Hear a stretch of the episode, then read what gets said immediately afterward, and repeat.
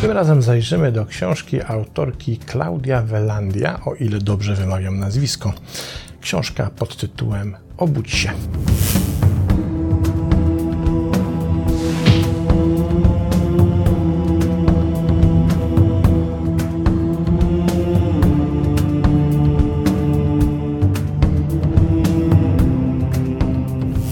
Dzisiaj niestety z dość znaczną chrypką. Mam nadzieję, że mi wybaczycie, ale mając do wyboru nagrywać odcinek lub nie, zdecydowałem, że mimo chrypy spróbuję go jednak nagrać. Mam nadzieję, że to nie spowoduje zbyt dużego dyskomfortu w jego odbiorze. I na początek przyglądamy się, kim jest pani Klaudia. Pani Klaudia, przy całym szeregu tytułów, które występują przy jej nazwisku, jest między innymi certyfikowanym trenerem zawodowym, ale co najważniejsze, jest założycielką projektu Quantum Thinking, który pomaga liderom i zespołom opracowywać nowe sposoby myślenia, aby mogli skutecznie i trwale reagować na zmiany i wyzwania w środowisku biznesowym. Klaudia urodziła się w Kolumbii, kontynuowała naukę i karierę w Europie, a później osiadła w Kanadzie. I jest oczywiście autorką bestsellera Obudź się. Książka została wydana w 2019 roku i póki co bije rekordy czytelnicze, między innymi na Amazonie. Dlaczego ta książka zwróciła moją uwagę? Wśród bardzo wielu książek o podobnym typie, mówiących w jaki sposób możemy korzystać z naszego samorozwoju, by zmienić nasze życie, by pozywać się tego, co w nim negatywne, zamieniać to co, na, na to, co pozytywne i w jaki sposób z tego życia w nowy, lepszy, korzystny dla nas sposób czerpać. Otóż książka ta prezentuje pewne podejście, które jest rozszerzeniem pewnego mechanizmu. Ja o tym mechanizmie opowiadałem w jednym z mini wykładów, w tym, który jako jedyny jest nagrywany na żywo z udziałem publiczności. A mianowicie chodzi o zjawisko, które wówczas nazwałem automatyzacją.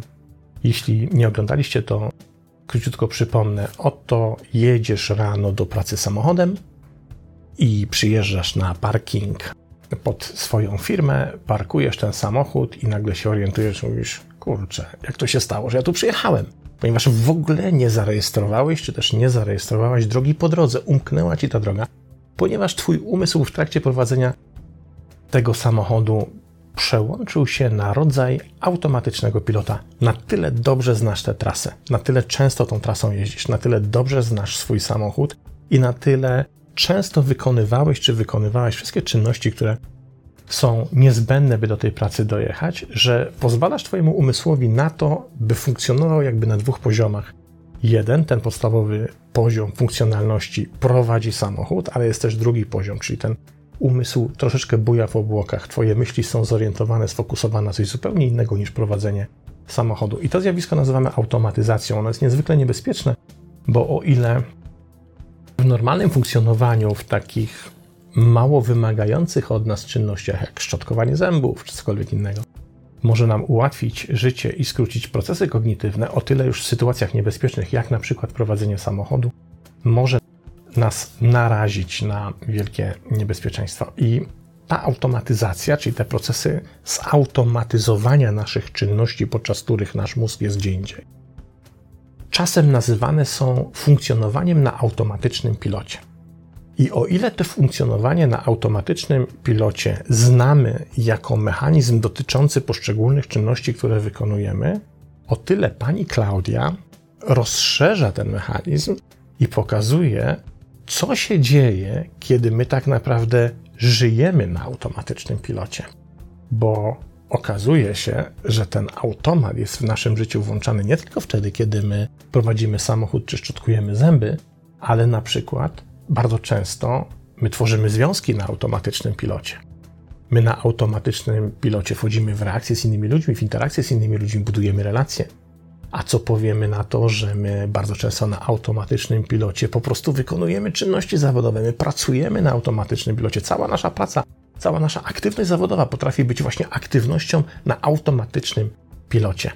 I w końcu, w konsekwencji, ten automatyczny pilot powoduje, że my całe życie przeżywamy właśnie w ten sposób. I możemy to zobrazować taką metaforą, dokładnie tą samą, co podróżującego samochodem do pracy delikwenta, oto się rodzisz, To jest ten punkt A, z którego startujesz. Jest ten punkt B, to jest ten parking docelowy, na który dojeżdżasz samochodem do pracy, i tym punktem B jest śmierć, jest koniec Twojego życia. Jak wiele mamy do stracenia po drodze, jak wiele tracimy po drodze, jeśli tą podróż na automatycznym pilocie właśnie odbędziemy z punktu A do punktu B, będziemy tak jechać przez całe nasze życie. I o tym jest ta książka. I to jest fascynujące, że można ten mechanizm pokazać w dużo szerszym kontekście i w dużo szerszym kontekście również się do tego mechanizmu odnieść. A Zatem przeczytajmy, co pani Klaudia pisze o tym mechanizmie.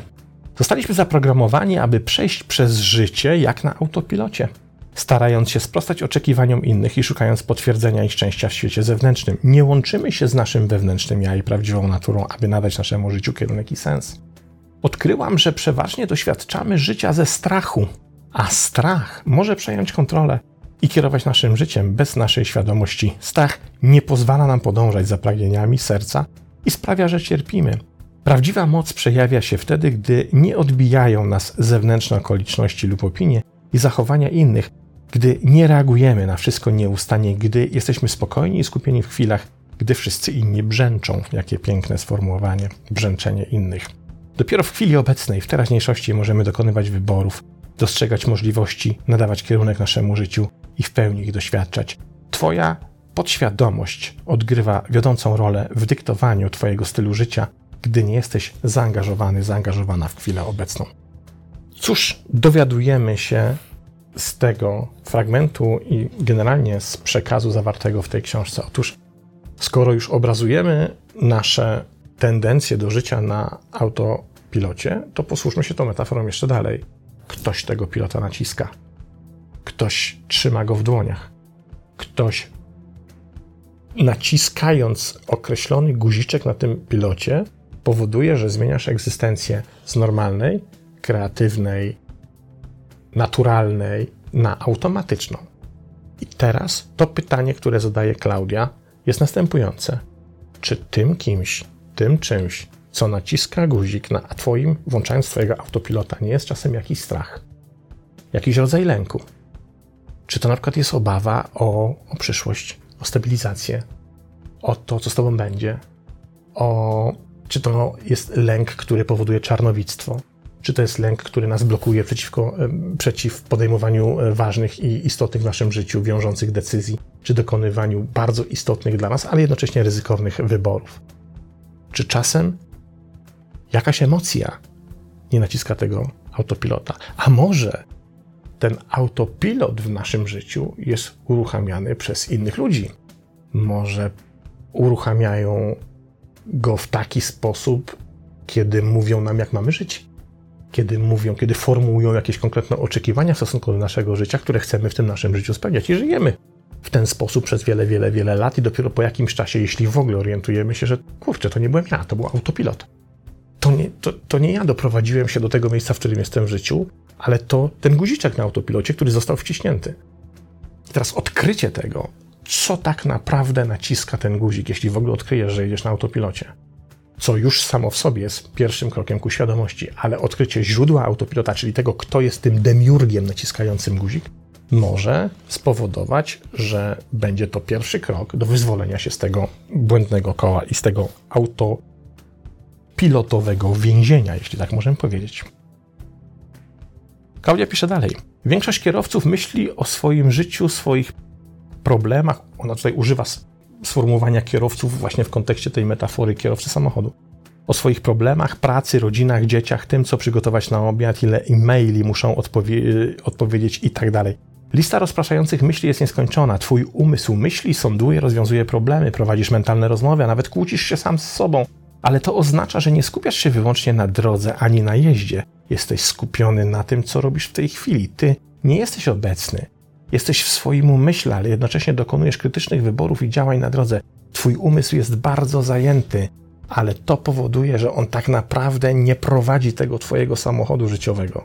Ten Twój samochód życiowy jest prowadzony niejako z automatu, na automatycznym pilocie. I kiedy odkryjemy tą regułę, kiedy zobaczymy, ile automatyzmu jest w naszym życiu, który niejako przejął za nas decydowanie o tym, w którym kierunku chcemy zmierzać, na przykład poprzez nawyki, którym się oddajemy, poprzez nasze przywiązania do określonych strategii emocjonalnych, behawioralnych, relacyjnych, poprzez to, co uznaliśmy za zasadne, za wiążące, za ważne, za istotne, nad czym się już do końca potem nie zastanawiamy, po prostu przyjmujemy, że życie ma tak wyglądać, jak wygląda. To jest właśnie autopilot, którymi zawsze sobie w jakiś tam sposób niestety czynimy jakiś rodzaj zła, czy też wprowadzamy destrukcję do naszego życia. I Klaudia pisze dalej: Twój umysł kieruje Twoim stanem emocjonalnym. Aby to zrobić, Twój umysł czerpie ze znaczenia, jakie nadajesz temu, czego doświadczasz w danym momencie. Jeśli nie będziesz kierować świadomie swoim umysłem, będzie on nadal odtwarzał Twoje życie na podstawie Twoich przeszłych doświadczeń i tego, co już wiesz. To jest dokładnie taka sama zasada. Idziesz sobie ulicą, widzisz czerwone światło, tak ja już to znam. To jest model. Jest zielone, jest żółte, jest przejście dla pieszych, jest taki most, jest taki przejazd, jest taki zakręt, tyle stopni, tyle stopni. Wszystko jest znane, wszystko jest oczywiste, nad czym się tu zastanawiać. I nagle niespodziewanie, właśnie dlatego włącza się automatyczny pilot, bo ty już to znasz, ty się kierujesz swoimi wcześniejszymi doświadczeniami i przekonaniami, które udało się ukształtować na podstawie tych doświadczeń. I oczywiście wyzwolenie z tego polega na tym, by, by zacząć od nowa, by zacząć przeformatowywać to, co robimy automatycznie. I to, co mnie również tutaj zaciekawiło w książce autorki, to, w jaki sposób ona precyzyjnie wykorzystuje pewne nowe zwroty, pewne nowe sformułowania, które znakomicie oddają to, w jaki sposób my egzystujemy. Jednym z takich zwrotów czy sformułowań jest używane przez nią słowo tagowanie. To jest to samo tagowanie, którym tagujemy nasze teksty, czy filmiki, czy zdjęcia w internecie za pomocą umieszczania obok tych zdjęć czy filmów określonego hashtaga. My tagujemy rzeczywistość. Czyli kiedy doświadczasz czegoś, to to doświadczenie jednocześnie niejako otagowuje to, czego doświadczasz. Dzieje się tak dlatego, by w późniejszej, późniejszym terminie, w następnej kolejności ułatwić ci rozpoznanie, czy to, czego doświadczasz, jest czymś, z czym możesz porównać swoje doświadczenia z przeszłości. I to nam oczywiście ułatwia segregację, klasyfikację rzeczywistości, ułatwia nam istnienie, ale paradoksalnie ten sam mechanizm tagowania będzie nam w tym istnieniu przeszkadzał i będzie nam je utrudniał. Jeśli otagujesz coś, przylepisz temu określoną etykietę, przylepisz temu określoną łatę, określoną nalepkę, określony tak, to tym samym mówisz, to już nie jest interesujące. Ja już to znam, ja już wiem, to jest pod takim a takim tagiem, ja to szufladkuję, to wkładam do określonej do określonego pojemniczka, a sam akt włożenia tego do pojemniczka powoduje, że już z tym nie muszę nic więcej robić ważne, żeby zadawać sobie pytanie, na ile tagujemy rzeczywistość, na ile tagujemy innych, na ile tagujemy relacje, na ile tagujemy to, co nas otacza, bo to właśnie tagowanie będzie służyło automatycznemu pilotowi. Im więcej przejawów rzeczywistości będziemy tagować, tym bardziej narażamy się na egzystencję na autopilocie, bo egzystencja na autopilocie właśnie czerpie z tych tagów. Te otagowanie jest jej potrzebne do tego, żeby posługiwać się tymi automatyzmami, a te automatyzmy nie są dla nas najszczęśliwszymi rozwiązaniami, jeśli chcemy się oczywiście rozwijać. I jak się można domyślać, w końcu, prędzej czy później w książce Obudź się, przeczytamy następujące zdanie, jakże często powtarzające się w wielu innych książkach Twoje myśli stają się rzeczywistością. Twoje myśli to instrukcje i wskazówki, które dajesz swojemu umysłowi świadomie lub podświadomie, mówiąc mu, na czym ma się skupić, w co wierzyć, jakie działania podjąć, jakie znaczenie przypisać okolicznościom i związkom, które napotyka na swojej drodze. Twoje myśli również wpływają na Twoje emocje i kierują Twoimi działaniami. Przy świadomym wysiłku możesz pokierować swoimi myślami w taki sposób, aby przekształcić ścieżki neuronowe i zmienić chemię mózgu. O co tak naprawdę chodzi? Chodzi o rewolucję w tagowaniu. Ona mówi wprost: Jeśli chcesz zacząć się rozwijać, chcesz zmieniać swoje życie, chcesz się wyzwolić z autopilota, to musisz zastanowić się i odkryć, co otagowałeś, co otagowałaś, i zrewidować to otagowanie. przemyśleć, czy tagowanie rzeczywiście dalej jest aktualne. Czas najwyższy na w tym przypadku akurat ostatni cytat, ale ten, który mówiący o tym sławetnym kwantum, czyli tym projekcie, który tworzy autorka książki. Ona mówi, że to kwantum polega na wyrównaniu siebie. I tu mi trochę zalatuje Gurdjieffem i bardzo dobrze, bo mówił dokładnie to samo. Mówił o tych takich poziomach równowagi pomiędzy naszymi umiejętnościami, inteligencjami. Ale Klaudia ubiera to w nowoczesny sposób i współczesny mm, następująco. Całość polega na kwantowym wyrównaniu wszystkich części siebie. Wyobraź sobie, że jesteś obserwatorem swojego życia, jesteś czystą świadomością, która doświadcza siebie w fizycznym świecie. Z tej perspektywy wyrównanie kwantowe będzie oznaczało zjednoczenie wszystkich części ciała, umysłu, serca i duszy. Od tej jedności zacznij doświadczać swojego życia w jego strumieniu bez ograniczeń i wyrażać siebie w pełnej świadomości. Ona tutaj pisze, że istnieją cztery podstawowe mądrości.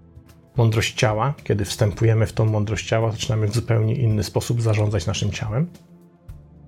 Zaczynamy dostrzegać jego potrzeby, zaczynamy dostrzegać nasze powinności względem tego ciała i nasz kontakt z tym ciałem staje się inny. Jest y, mądrość serca, to jest ta mądrość, dzięki której jesteśmy w stanie na zupełnie innym poziomie inteligencji emocjonalnej funkcjonować w świecie, rozumiejąc emocje własne oraz emocje innych ludzi. Jest e, mądrość duszy.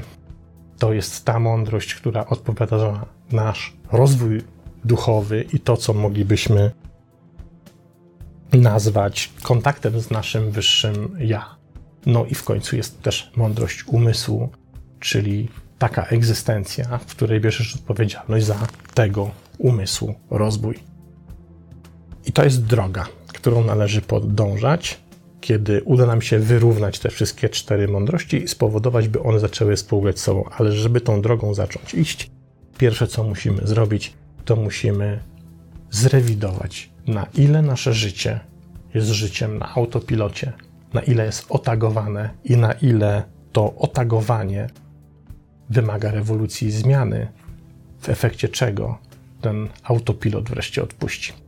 Mądra i ciekawa książka wydana w roku 2019. Mam nadzieję, że któreś z polskich wydawnictw prędzej czy później się nią zainteresuje. Klaudia Welandia. Obudź się. Polecam serdecznie i do następnego razu.